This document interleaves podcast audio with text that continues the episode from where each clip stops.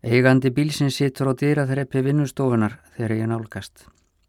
Hann er að reykja síkarett og horfir í kringum sig á meðan eins og hans ég ákaflega undrandi á þessum afvikna sumardvalarstað. Ég þekki hann. Þetta er sterk efnaður maður sem kefti stundum myndir af mér áður. Líklega eru bara nokkur ár frá því hann kefti síðast af mér mynd en mér finnst óra langt síðan, næstum eins og það hafi verið í öðru lífi. Ég veit ekki hvernig hann hefur fundið mig. Hann stendur upp þegar hann sér mig koma. Hann heilsar ekki. Ég sé þú hefur verið að mála, segir hann. Skörp aðtugun, segi ég, og opna minna hjólísið, stíg þar inn með föggur mínar. Ég skil eftir opið og hann kemur inn á eftir mér. Nú vantar mig myndir, segir hann. Er það svo, segi ég, og læt spurnartónin ekki fylgja orðunum. Hvað getur þú sínt mér núna, segir hann. Það er fátt, segi ég. Hvernig fannstu mig, spyr ég svo.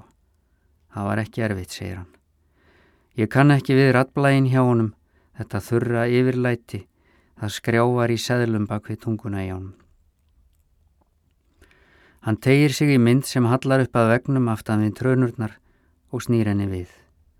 Þetta er mynd af eldfjallinu hér austan við, eina af mörgum og alls ekki svo besta.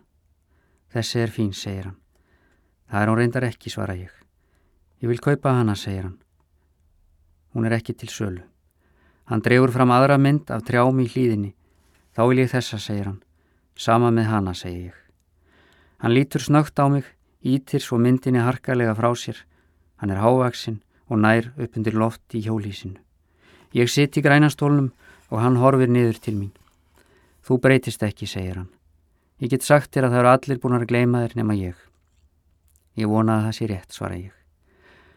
Hann ríkur út úr hjólísinu að þess að segja neitt frekar og skellir á eftir sér. Ég heyri bílinn fara í gang með miklum drunum og spóla burt og ég get ekki varist því að hlæja látt. Ég tek upp brefabók fangóks og les tvöðað þrjú bref frá Saint-Rémy geðveikra heilinu. Síðan rýs ég upp, sett vasslitablokkin á stóru trönurnar, ákveðin að klára myndina með að ég hef fossin, klettabeltin, trén og gilið sem allara skýrast fyrir hugskottsjónum. Ég útrými sjálfum mér úr eigin huga Legg alla áherslu á að renna saman við þessi náttúru fyrir breyði meðan ég lík við að flytja þau yfir á pappýrin.